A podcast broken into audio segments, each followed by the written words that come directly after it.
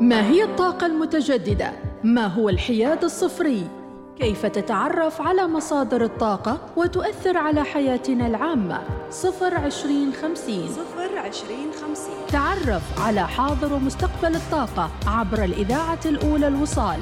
كل يوم أحد يأتيكم منتصف الظهيرة. ضيوف يجيبون على تساؤلاتكم وتتعرفون على مصطلحات في عالم الطاقة وتأثيرها على حياتكم. صفر عشرين خمسين. صفر عشرين خمسين مع مديحة السليمانية كل أحد الثانية عشرة ظهراً. صفر عشرين خمسين يأتيكم برعاية شركة تنمية نفط عمان فخورون بخدمة عمان.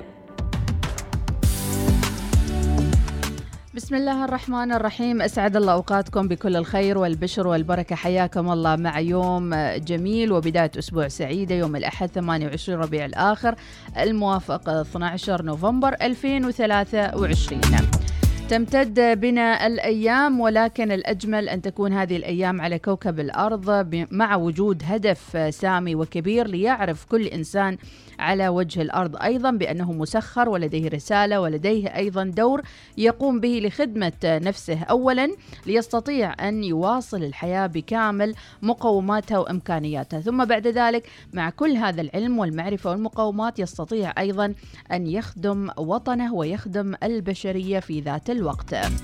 حلقة جديدة من صفر عشرين خمسين برنامج البيئي عن الحياد الصفري. سنخصص اليوم للحديث عن الحياد الصفري وخفض الانبعاثات الكربونية بشركة تنمية نفط عمان. ومن الجدير أيضا أن نعرف ما هي الانبعاثات في منتجات شركة تنمية نفط عمان هل هناك انبعاثات كربونية؟ هل يتم قياس مستويات ومعدلات الانبعاثات الكربونية؟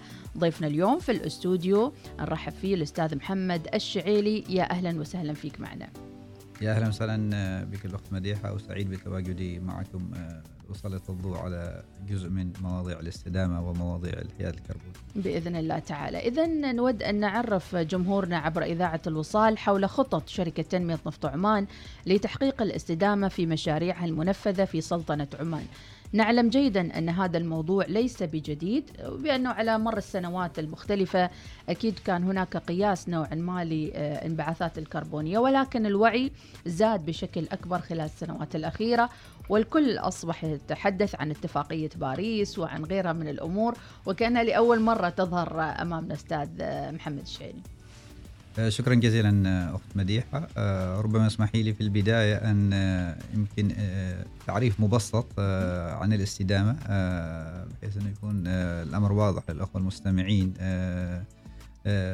هي الاستدامة هي بشكل مبسط جدا حقيقة مسألة التكامل بين مختلف جوانب التنمية سواء الجوانب البيئية أو الجوانب الاجتماعية أو الجوانب الاقتصادية بحيث إنه يكون هناك في قدر من التوازن في تنفيذ المشاريع ودفع عجلة التنمية. لا يطغى جانب على جانب بانه يكون أيضا أخذ أو مراعاة مجمل الاعتبارات البيئية والاجتماعية والاقتصادية في هذا في هذا الشأن. فيما يتعلق بشركة تنمية نفط عمان ولله الحمد يعني بدأنا حقيقة يعني من عقود طويلة في هذه المسألة في هذا الجانب مسألة الاستدامة بمختلف يعني جوانبها. الانطلاقة كانت بإعداد خطة أو استراتيجية متكاملة هذا الخطة انطلقت من تقييم الوضع الراهن لدينا في شركة تنمية نفط عمان جوانب القوة وجوانب الضعف بالنسبة لنا الطموحات والأهداف التي نصبو إليها ومن ثم وضع خطة تنفيذية تغطي مختلف جوانب وأنشطة الشركة. طبعا هذه الخطة كانت وضعت لخمس سنوات لكن أيضا يصاحبها خطة تنفيذية. كل عام تركز على مختلف الجوانب مثل ما ذكرت. وكذلك بها مشاريع سنوية تنفيذية. هذه المشاريع طبعا تم رسم موازنات تتعلق بها تغطي مختلف أنشطة يعني وجوانب العمل في الشركة. ربما الموضوع يعني للتبسيط فقط نأخذ مثال. العمل الأساسي للشركة هو إنتاج النفط والغاز. فمثلا لدينا مشروع لإنتاج النفط والغاز. نبدأ من البداية قبل يكون في تقييم أولي طبعا لهذا المشروع. سواء يعني وايش من عمليات أو أنشطة يشمل عمليات الحفر بالنسبة لنا عمليات مد الأنابيب عمليات مثلا إنشاء المرافق عمليات مثلا معالجة النفط والغاز إلى أن إلى التصدير. طيب ما هي خلينا نقول الأضرار سواء البيئية أو الاجتماعية أو الصحية المصاحبة لمثل هذا الأمر وما هي السبل أو الإجراءات التي ممكن أن القيام بها. وطبعا يكون في هناك تحديث لهذه التقييم أو لهذه الدراسة على مراحل ويربط الأمر أيضا بمؤشرات آداء بيئي سواء للمشروع أو للقطاع أو المديرية المديرية داخل داخل أنشطة الشركة. وحقيقة هذا الأمر يعني وجود خطة واستراتيجية مربوطة بخطة تنفيذية اللي هي أيضا ترتبط بإطار زمني ساهم في دفع عجلة الاستدامة وعجلة الأداء البيئي والاجتماعي يعني في مجمل أنشطة وأعمال الشركة. وكان له نقلة نوعية حقيقة حتى يعني عملنا الخطة الأولية جددناها لمرحلة أخرى والحين ما زال العمل قائم فهي تمثل بمثابة الأساس الذي ننطلق منه.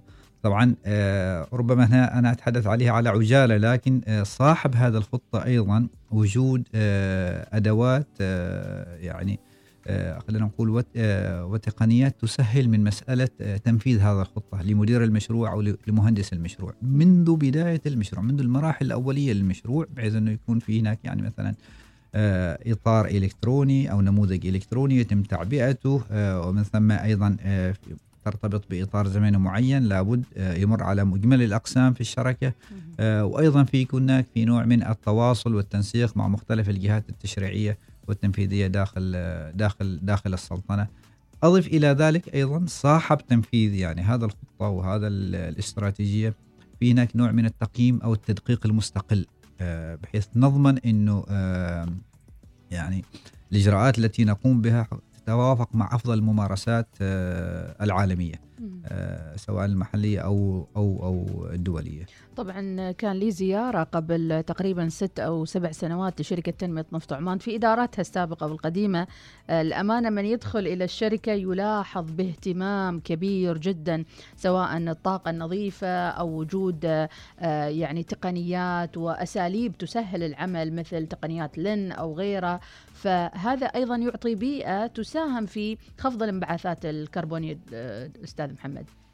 بكل تأكيد حقيقة أنا أذهب إلى هناك كل يوم لكن عندي شعور من إنه كل يوم يعني في هناك حاجة جديدة في هناك تقدم في هناك تطور في مختلف جوانب جوانب العمل. طبعا أنت ذكرتي أمثلة ونماذج لكن هناك حقيقة العشرات أو ربما المئات من من من الأمثلة والنماذج وربما يعني الجيد في الأمر كله برمته إنه يعني في السنتين الأخيرتين حقيقة عكفنا على مسألة مراجعة وتقييم استراتيجية الشركة بشكل كامل ومن خلال هذا يعني مختلف جوانب العمل في الشركة بحيث إنه يكون في هناك نوع من التوافق والانسجام مع التطورات والمستجدات في قطاع في قطاع الطاقة. إحنا ندرك جميعا بأن هناك تحولات عالمية في قطاع الطاقة. وربما يعني بعض المنتجات اللي كان عليها يعني نوع من الطلب كبير في السابق ربما يعني على المدى البعيد. اركز هنا بشكل كبير على مسألة على المدى البعيد. حقيقة ربما يكون هناك فينا تغيرات. هدفنا في الشركة على أساس إن يعني نكون نوع من ما يطلق عليه مبادرين في هذه المسألة يعني ومتأهبين حقيقة على هبة الاستعداد لأي تغيرات أو أي تطورات في هذا الجانب. راجعنا استراتيجيتنا يعني حدثنا الغرض الأساسي أو الهدف الأساسي في الشركة الجوانب اللي هي والمشاريع الرئيسية التي ينبغي أن نركز عليها في مختلف في مختلف أنشطة يعني وأعمال الشركة. ولدينا الآن ما نطلق عليها استراتيجية محدثة باللغة الإنجليزية طبعا يعني إحنا نسمي نطلق عليها ريفرش استراتيجي اللي هي تبني على القوة التنافسية تبني على المقومات الأساسية والموارد الأساسية اللي موجودة في الشركة بحيث إنها تنطلق للمستقبل حقيقة بجاهزية وشمولية تامة. جميل جدا. اليوم نتحدث عن شركة تنمية نفط عمان ودورها في الحياد الصفري. أكيد ضيفنا في الاستوديو أستاذ محمد بن خلفان الشعيلي مدير تغير المناخ والاستدامة في شركة تنمية نفط عمان. رغم مشاغلكم الكثيرة والعديدة أيضا نشكر وجودك معنا في الاستوديو وأيضا تخصيص هذا الوقت للحديث عن واحدة من أكبر الشركات في سلطنة عمان وربما في المنطقة فيما يتعلق آه، بإنتاج النفط وأيضا المساهمة في دعم الاقتصاد الوطني. اليوم نتحدث أيضا أستاذ محمد عن الحرص على تنويع مصادر الدخل. فكيف يمكن تحويل الحياد الصفري إلى مشاريع تؤدي إلى زيادة الإيرادات وابتكار مشاريع جديدة؟ تساهم في رفع إيرادات الدولة وتنافسها أيضا أو تنافس خليجيا وعالميا فيما يتعلق بالحياد الصفري. في السابق كانت ربما شركة واحدة هي التي تنتج وتصدر وتتحكم بالنفط. اليوم أيضا هناك شركات أخرى تدخل آه، في الخط معكم مع وجود منافسة من قبل شركات إنتاج الغاز وغيرها من الشركات الأخرى. فكيف تساهمون في هذا الجانب؟ هذا سؤال مهم حقيقة وأمر هام آه، وأعطينا هذا الجزء آه، في الشركة أثناء يعني مراجعة وتحديث استراتيجية الشركة أعطينا اهتمام خاص. مسألة يعني وكان السؤال اللي نطرحه على أنفسنا ما هي التحديات والفرص التي تأتي مع التحولات العالمية في مجال الطاقة؟ طبعا لا شك انه هناك تحديات كثيرة. آه، لكن أيضا آه، الجانب اللي ركزنا فيه حقيقه آه، بالنسبة لنا اللي هي الفرص بحيث إنه يعني قمنا يعني مثلا بمسح هذه الفرص أعطينا مختلف جوانب وأنشطة الشركة سواء مثلا عمليات الحفر عمليات مثلا التشييد البناء والتشييد عمليات اللي هي الإنتاج عمليات مد الأنابيب عمليات بناء المرافق عمليات معالجة آه، وتنقية مثلا آه، النفط والغاز. آه، حددنا هذه الفرص في مختلف هذه القطاعات أو أو الأنشطة والعمليات الرئيسية للشركة. قمنا بتقييمها اللي هي من حيث إنه الميزة التنافسية من حيث المقومات والموارد الرئيسية سواء الموارد البشرية أو الموارد المالية التي نمتلكها في هذا الشأن. وأيضا ربطناها مع مدى خلينا نقول آه، اللي هي مسألة آه، العرض والطلب آه، على مثل هذه هذه الفرص أو أو المنتجات الجديدة. نأخذ مثال بس مبسط في هذا الشأن طبعا ما زلنا الشركة تؤكد على أن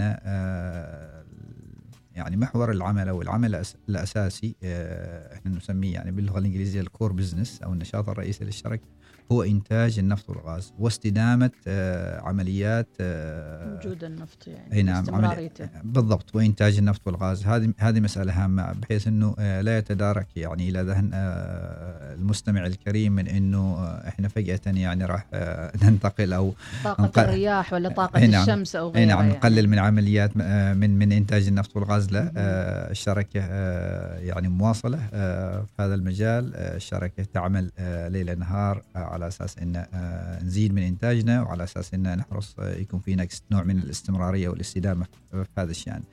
الجوانب الأخرى التي ركزنا فيها حقيقة قيمناها مثلا من مدى العائد على الاستثمار فيها الميزة التنافسية مسألة آه، يعني سهولة الانتقال إلى مثل هذه الأنشطة وأخذنا آه، مسألتين ركزنا فيها آه، في المقام الأول على المدى القصير. طبعا دائما العمل معنا يكون على مراحل. المدى القصير المدى المتوسط والمدى البعيد. المدى القصير ركزنا حقيقة على مسألة أنه أحد التحديات اللي نتحدث عليها مسألة الانبعاثات الكربونية المصاحبة لعمليات إنتاج النفط والغاز طيب إحنا معانا آه أنشطة يطلع منها آه الكربون هذا. آه مثال على ذلك مثلا آه سواء آه يعني آه عمليات إنتاج الكهرباء آه من محطات الطاقة هذا وانتاج الكهرباء يخرج ثاني إكسيد الكربون.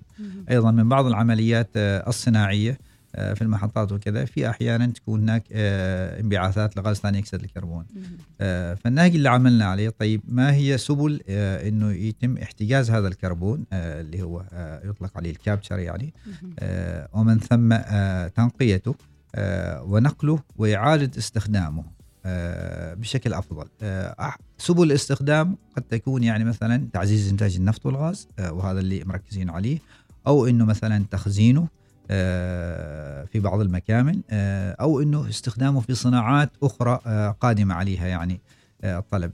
فحقيقة في عمل يعني كبير يتم في مسألة تحديد الفرص اللي هي بإمكاننا إن يعني نحتجز الكربون نعيد استخدامه في عمليات لتعزيز عمليات إنتاج النفط والغاز أو لاستخدامات لاستخدامات هامة أخرى. ما نقوم به حاليا هو بناء يعني مجموعة من المشاريع وتقييم مثلا مدى العائد على الاستثمار فيها ومدى جاهزيتها.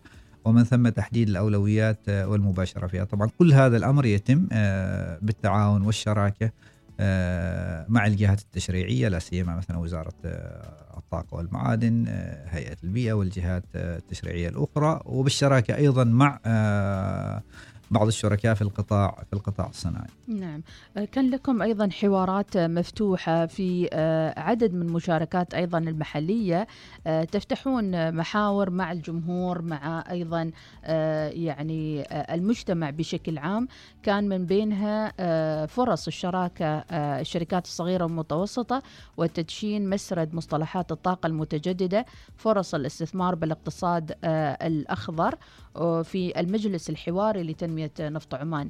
آه، رعى آه، سعادة نجيب بن علي الرواس في ذلك الوقت وكيل وزارة البيئة والشؤون المناخية طبعا هذه منذ فترة فجهودها متراكمة مع بعضها البعض بكل تأكيد. كيف تجدون هذا الحوار مع المجتمع عندما تخرجون للمجتمع تحدثونهم أو تتبادلون معهم الرؤى؟ فهل أنتم على نفس الخط أم أن هناك يعني آه، نحتاج إلى تقارب أكبر؟ نعم.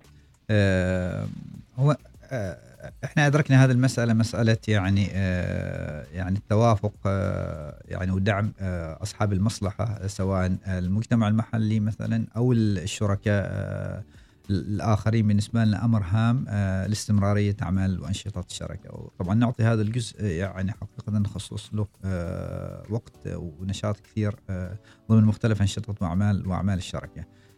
لدينا ما ما يطلق عليه أحد الأدوات اللي نستخدمها اللي هي آه، الالتقاء بأصحاب المصلحة على مراحل. طبعا منذ آه، المراحل الأولية لأي مشروع أو أي نشاط آه، يتم معنا.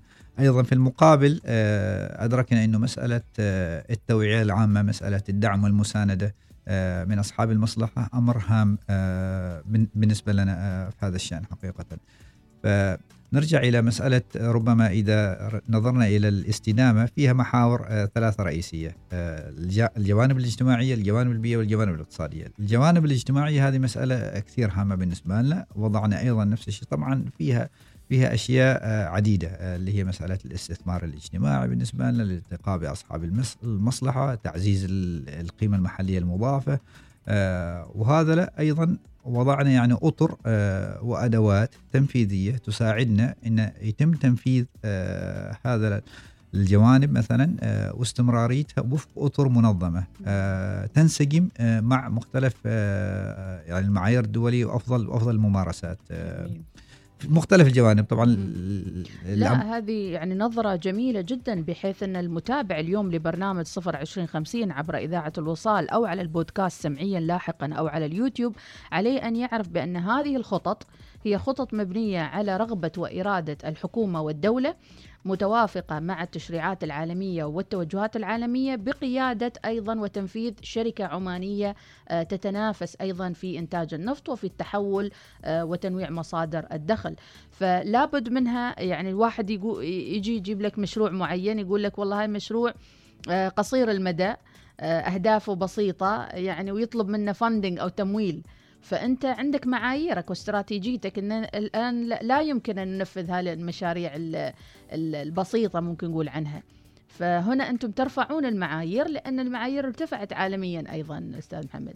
بكل تأكيد آه، ربما هذا آه، يعني آه، يأخذنا إن نتحدث يعني أو نعطي نبذة بسيطة عن مسألة تعزيز القيمة المضافة وبرنامج تعزيز القيمة المضافة. ما أعرف أنا حقيقة إذا أنتم يعني دخلتوا في هذا الجانب لكن هذا أحد الأشياء اللي أقترح عليكم إنه تخصص لها أيضا حلقة كاملة. مسألة تعزيز القيمة المضافة هذه أحد الأولويات لدينا في الشركة بدأناها حقيقة بعمل ممنهج. ربما آه، العمل التقليدي فيها يقول لك طيب تعزيز القيمة المضافة مسألة التعمين آه، أو التوظيف وكذا. هذا أحد آه، المحاور أو أحد الجوانب فيها فقط لكن النهج اللي اتبعناه مسألة أن وضعنا الإطار العام اللي هو يتضمن التعمين والتوظيف يتضمن أيضا شراء المنتجات المحلية يتضمن أيضا تصنيع المنتجات المحلية. آه، تصنيع المنتجات اللي إحنا بحاجة إليها يعني مثلا في أنشطة واعمال الشركة. ولدينا حقيقة يعني بدأناه آه، بالتوافق والتنسيق آه، مع الشركات آه، المتعاهدة. لدينا أو المقاولين إحنا آه، نطلق عليهم. آه، أخذنا هذا البرنامج على مراحل. آه، المرحلة الأولى كانت حقيقة مسألة يعني فيها نوع من آه، الاختيار آه، شيئا فشيئا آه، أخذنا بيدهم شيئا فشيئا هنا مرحلة وضع البديل المناسب أي. وفق المعايير المتلائمه مع بي دي أو مثلا بكل تأكيد آه، بعد ذلك طورناها بحيث إنها أصبحت إلزامية. لها نسبة كبيرة ضمن تقييم المقترحات والمناقصات المقدمة آه، لدى الشركة حقيقة آه، وهي أحد الجوانب اللي آه، إحنا نسميها يعني ينبغي. آه، أو ما يطلق عليه باللغة الإنجليزية must have. آه، إلزامية يعني أي نعم إلزامية هناك. أحسنتي أحسنتي نعم. آه، في مسألة آه، التناقص يعني ومسألة تقديم المقترحات آه، لأنشطة وعمل الشركة آه، بدأنا بشكل مبسط آه، لكن هذا الإطار العام ولله الحمد تم تعميمه على قطاع النفط والغاز أصبحت الحين آه، الوزارة وزارة الطاقة والمعادن تتبنى هذا الأمر تم تعميمه على مختلف الشركات والمؤسسات وأيضا آه، تم استخدامه في آه، قطاعات آه، صناعية آه، صناعية أخرى وهو نموذج حقيقة حاز على على جوائز آه، عدة يعني سواء جوائز محلية أو جوائز إقليمية ودولية نعم. آه، مسألة آه، تعزيز القيمة تعزيز نعم. آه، طبعا ي- الأمر أيضا يندرج مع مسألة ال- اللي هي الجوانب الجوانب البيئية الأخرى. أحد الأشياء اللي حقيقة يمكن آه، آه، غفلت عن آه، تسليط الضوء عليها مسألة إنه آه، وضع الإطار. لكل عمل وضع إطار مبسط مبسط وركز على كلمة مبسط بحيث إنه يسهل تنفيذه. من قبل آه، الشركات المتعاهدة أو الشركات المنفذة آه، وأيضا يسهل متابعته داخليا وربطه آه، آه، بوسائل وسبل تدقيق آه، مستقلة. آه، وأيضا دعمه آه، يعني بأطر دولية فمثلا مسألة الاستدامة هذا محل في آه، بدأنا منذ فترة على أساس إن آه، تبنينا آه، إطار عام دولي آه، يطلق عليه مثلا ال GRI واللي لديه مؤشرات آه، اللي إحنا نسميها ال KPIs مؤشرات أداء. تغطي مختلف الجوانب الجوانب الاجتماعية الجوانب البيئية الجوانب الصحة والسلامة الجوانب الاقتصادية. آه، وهلم جرا آه، فيأتي المشروع وأنتم تطابقون عليه هذه المعايير. أي نعم إذا اي نعم. انطبق عليه هذا جي اي ار ولا جي ار اي ال GRI نعم أي نعم. GRI. هذا- هذا نعم. هذا نموذج أي نعم. آه، طبعا إحنا ولله الحمد في السلطنة آه، يعني تم تبني آه، نماذج الحوكمة الثلاثية الابعاد هذا أحد نماذج الحوكمة الثلاثية الابعاد وفي طبعا هناك نماذج دولية دولية أخرى. لكن المسألة تبني هذا ال- الإطار العام آه، ربما نوع من آه، خلينا نقول يعني موافقته مع آه، الوضع الداخلي في الشركة. ومن ثم العمل آه، بتدرج آه، على تنفيذه وقياس مثلا أداء قياس نعم. أداء الشركة أو مشاريع الشركة وفق هذا هذا الاطر وتحقيق العامة. أهدافها واستراتيجياتها سواء محليا أو عالميا. أنت في الآخر عندك بعض الملفات تخرج للخارج.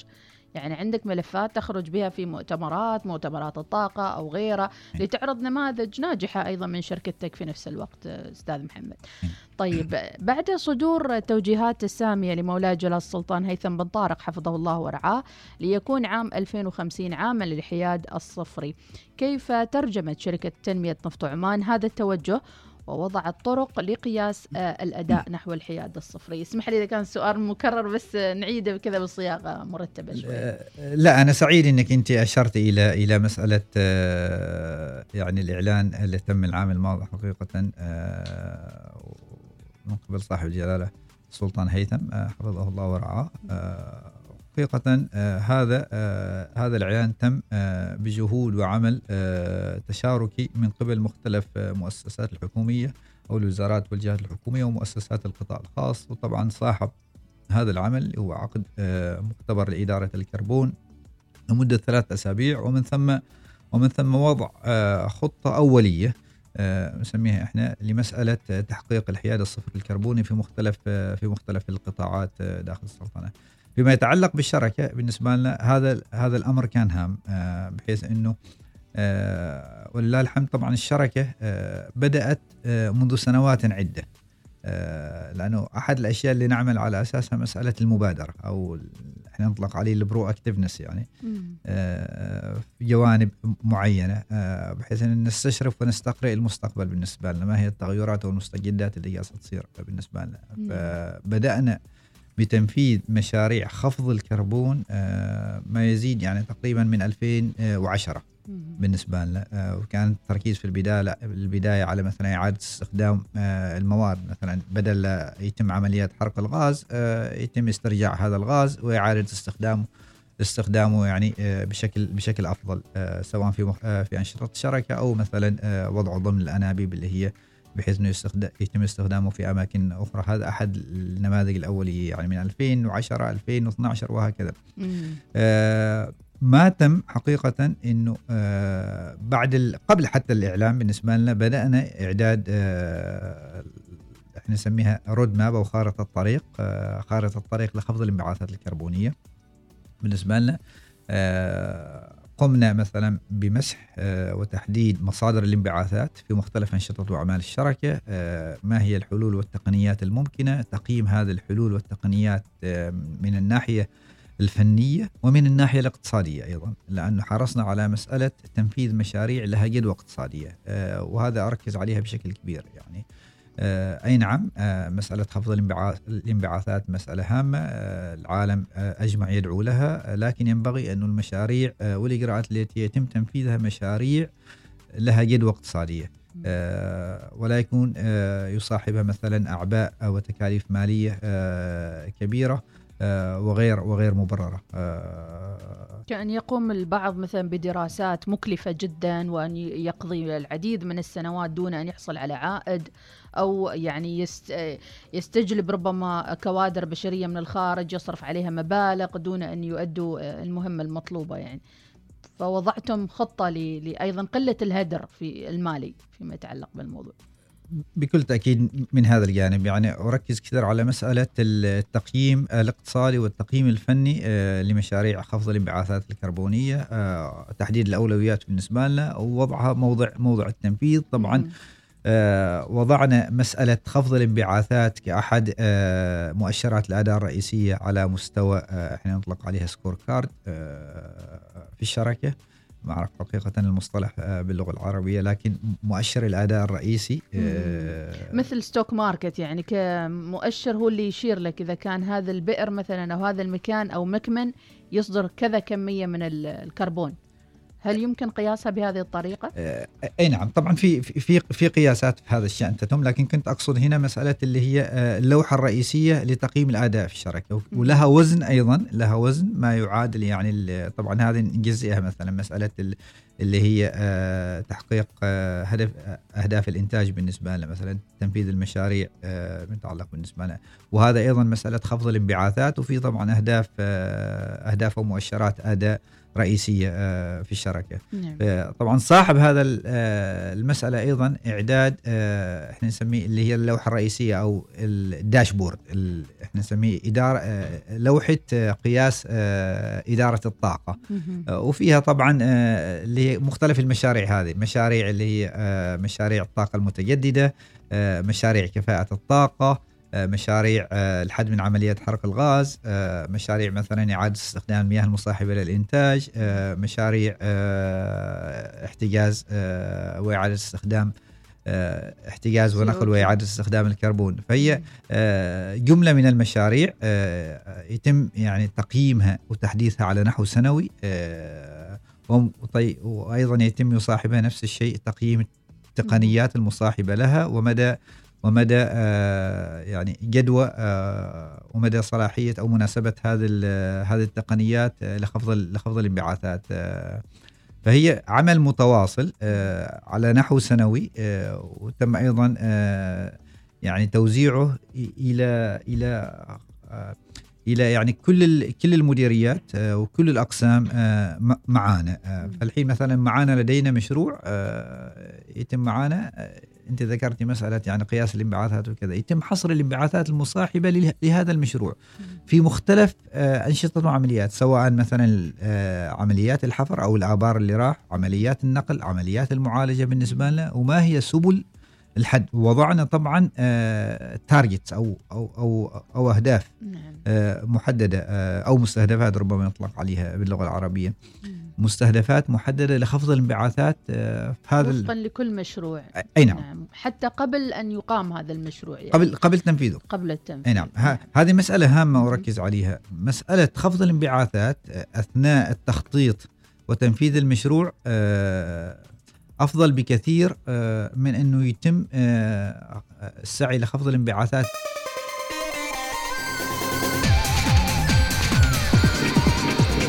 الوصال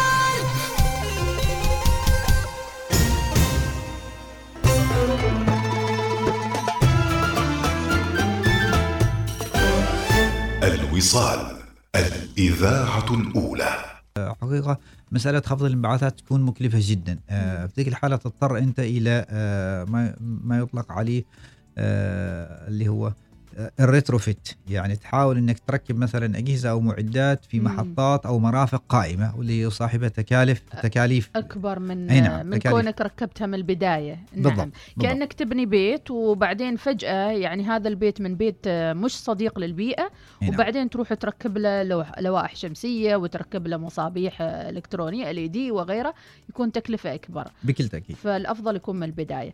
طيب عندما ظهر مصطلح الاستثمار الأخضر ماذا يقصد به من خلال مشاريع شركة تنمية نفط عمان ومن هم شركائكم في تنفيذ بعض من مشاريع الاستثمار الأخضر؟ هل تشمل فئة معينة أو بقعة جغرافية محددة في سلطنة عمان؟ سمعنا كثيرا عن زراعة مليون شجرة 500 ألف شجرة وغيرها هل هذا هو الاستثمار الأخضر اللي تتجه إليه شركة تنمية نفط عمان؟ آه، مصطلح الاستثمار الأخضر هو واسع النطاق حقيقة. آه، وطبعا في مصطلحات أخرى مشابهة وقريبة منه. آه، كان يطلق عليه النمو الأخضر أو ال- الاقتصاد الأخضر. آه، أيضا في مصطلحات بدأنا نسمعها مؤخرا يعني اللي هي الاقتصاد الد- الدائري الكربوني. لكن خلاصة القول هذا المصطلح بشكل مبسط جدا. التنمية أو تنفيذ المشاريع والتنمية آه، بحيث أنه يترتب عليها انبعاثات آه، قليلة وأضرار بيئية واجتماعية قليلة. آه، وهي نفس تتوافق تماما مع أهداف التنمية أهداف التنمية المستدامة. النماذج والأمثلة للمشاريع هذه لدينا في الشركة عديدة حقيقة يعني. مثل ما ذكرت لك يعني بدأنا من مرحلة يعني متقدمة يمكن في 2009 نفذت الشركة يعني أكبر المشاريع على ربما على مستوى العالم لمعالجة المياه المصاحبة للإنتاج يعني بشكل مبسط آه، أثناء عمليات إنتاج النفط والغاز يصاحب هذا الإنتاج أيضا آه، إنتاج مياه مصاحبة تكون وبالتالي يتم تنقيتها لاحقا. آه، لأن عملية الدريلينج آه، تحتاج إلى مبرد للدريل. أتوقع هذا حسب خيالي يعني. تحتاج أيضا فعلا لكن هذه المياه أساسا تكون موجودة في المكمن. آه. أي نعم فهي بالتالي مختلطة بالغاز والغيرة مخ- أكثر شيء طبعا بالنفط موجودة فعلا. وحقيقة يعني يمكن أحد التحديات الرئيسية لدينا في الشركة كميات المياه المصاحبة للإنتاج. يعني آه، لكل مثلا بئر آه، نفط أو بترول ننتجه آه، يصاحب في الغالب من ثمانية وبعض الأحيان يصل إلى تسعة آبار المياه. يعني فكميات كبيرة من المياه المصاحبة للإنتاج يتم إنتاجها. طيب كيف نتصرف في هذا المياه؟ هذا هو تحدي كبير. وتحدي رئيسي بالنسبة لنا. الممارسات العالمية كانت انه يتم حقن هذه المياه. يعني في في في جو في نفس المكامن أو أو أو في جوف الأرض يعني آه، على ترجع ترجع في, أي نعم. في الأرض مرة ثانية. اي نعم لمسافات بعيدة. طبعا آه، يتم إعادة استخدامها بكذا. مسألة إحنا بالنسبة لنا أيضا آه، نحقنها في نفس المكا- المكامن على أساس انها نحافظ على مسألة التوازن والضغط. بالنسبة لنا فكميات كبيرة. لكن أيضا في جزء كبير من هذا المياه يعني ما زلنا نضطر إن يعني آه، نصرفه بطريقة آه، اللي هي نحقنه في آه، يعني على مسافات بعيدة. ويصاحب هذه العملية طبعا استهلاك طاقة كبير. وأيضا قد يصاحب أضرار على المدى البعيد بالنسبة لنا. فال- فالحلول لتنفيذ المشاريع هذا اللي هو الأراضي الخضراء آه، في نمر أو نسميها إحنا طبعا آه، نمر ويتلندز بالنسبة لنا على مساحات يعني شاسعة وبدأنا على مراحل حقيقة. جبنا هذه المياه زرعنا نباتات نباتات القصب وهذه النباتات تقوم بدور تنقية المياه. آه، في في نهاية المسطحات الخضراء تخرج لك مياه نظيفة حقيقة ونقية. آه، والعمل جاري على أساس طبعا في إعادة استخدام هذا المياه والعمل أيضا جاري على توسعة وإعادة استخدام هذا المياه سواء زراعة يعني مثلا جربنا زراعة العديد من الأشجار الملحية شفنا أي الأشجار هذه بإمكانها مثلا تتحمل تتحمل الملوحة اللي هي المصاحبة آه، المصاحبة فيها. والعمل أيضا جاري على آه، آه، خلينا نقول توسعة آه، وزيادة الاستخدام. هذا كان أحد قمنا أيضا نفس الشيء ببناء مشروع مماثل في منطقة أخرى. طبعا هذا الكلام في في منطقة نمر. أيضا بنينا مشروع مماثل في منطقة ريمه لدينا. وحقيقة يعني نستقبل أعداد مهولة من داخل السلطنة وخارج السلطنة. يعني في المنطقة للاستفادة والتعلم من من من هذه التجربة. وطبعا المشروع أيضا حاز آه، على جوائز. كان هذا أحد المبادرات آه، أو المشاريع الرئيسية. في طبعا أمثلة ونماذج اللي هي مشروع مثلا آه، مرآة للطاقة الشمسية. وأول مشروع لإنتاج الطاقة طبعا باستخدام الألواح الشمسية لدينا مشروع أمين يعني بطاقة استيعابية 100 ميجا واط. كان هذا أول مشروع كبير لإنتاج الطاقة آه، الكهربائية يعني آه، باستخدام الألواح الشمسية آه، لدينا يعني كان ضمن ضمن منطقة امتياز الشركة. وطبعا في مشاريع وأمثلة عديدة اللي هي مسألة يعني تعزيز الكفاءة اللي هي إعادة استخدام مثلا الحرارة.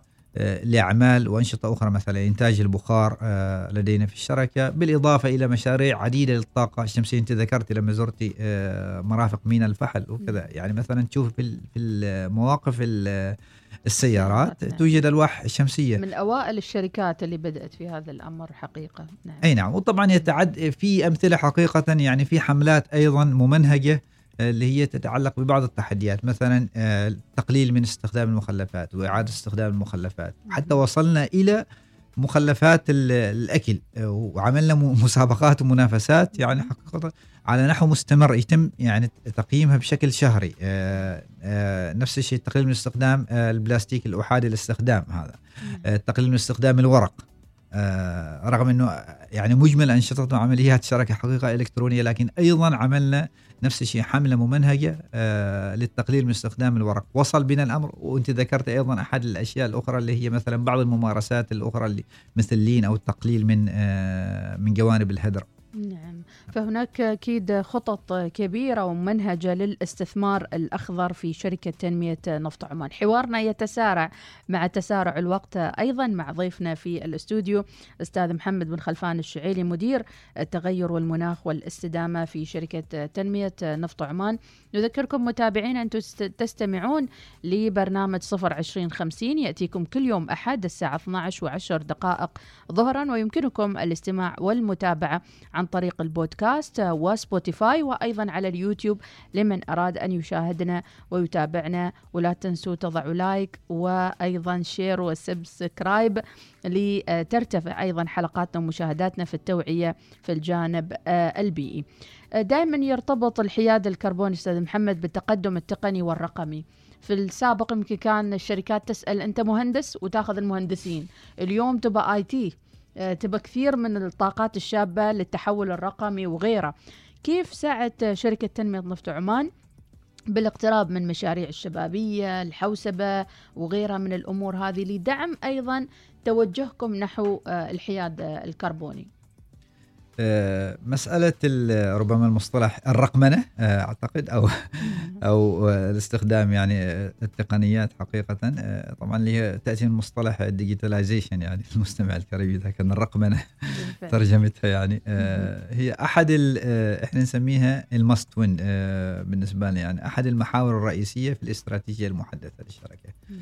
آه، بالنسبة له ادركنا مسألة آه، أهمية دمج التطورات التقنية في مختلف جوانب العمل آه، في الشركة حقيقة. وخصصنا لها برنامج خاص وعلى هذا الأساس خصصنا لها برنامج خاص بحيث إنه يتم مسح وتقييم مثلا مختلف الجوانب اللي بإمكان دمج التطورات التقنية.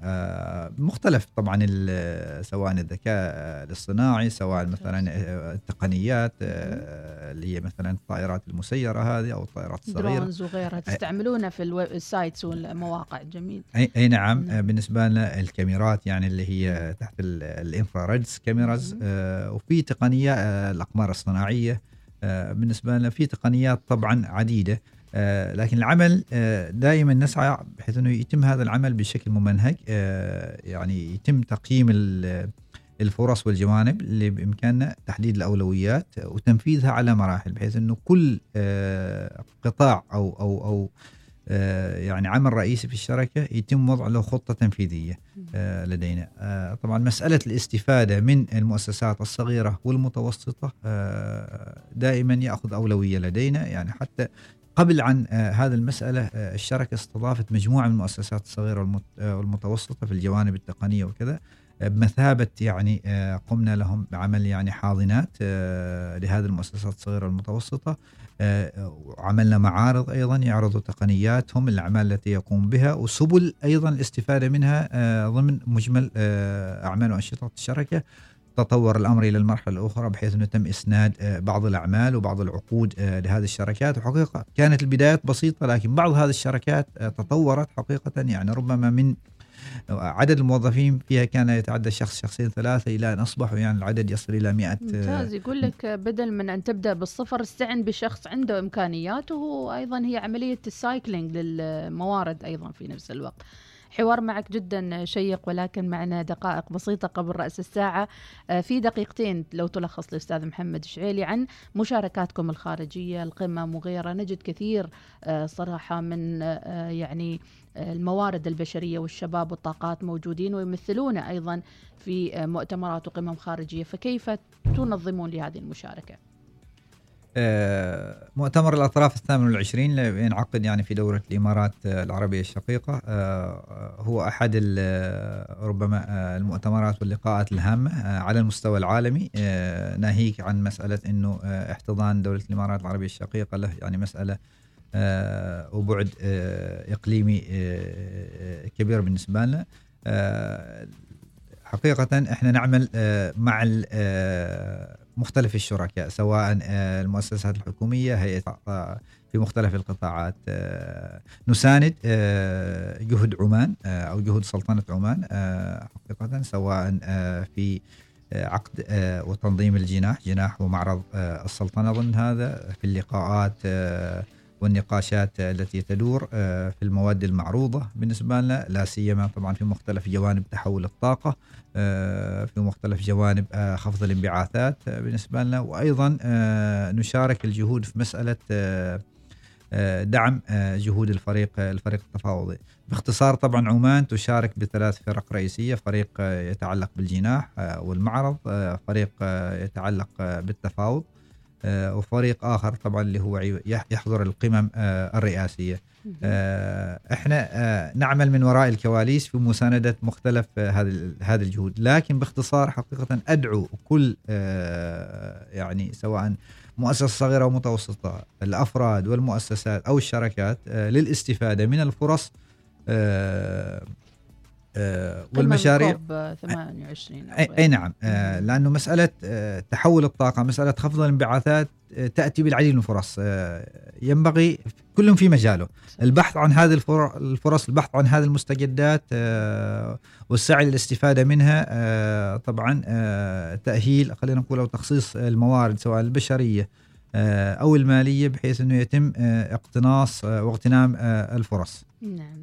إذا شكرا لك أستاذ محمد بن خلفان الشعيلي مدير تغير المناخ والاستدامة في شركة تنمية نفط عمان. حقيقة يعني كثير معلومات قيمة وأنصح جميع من يتابعنا أيضا بالاستفادة من هذه المعلومات آه، والاستماع للحلقة وأيضا الاستزادة والبناء على آه، ما ذكر في هذه الحلقة. جزيل الشكر لك أستاذ محمد الشعيل ونتمنى لك يوم سعيد إن شاء الله.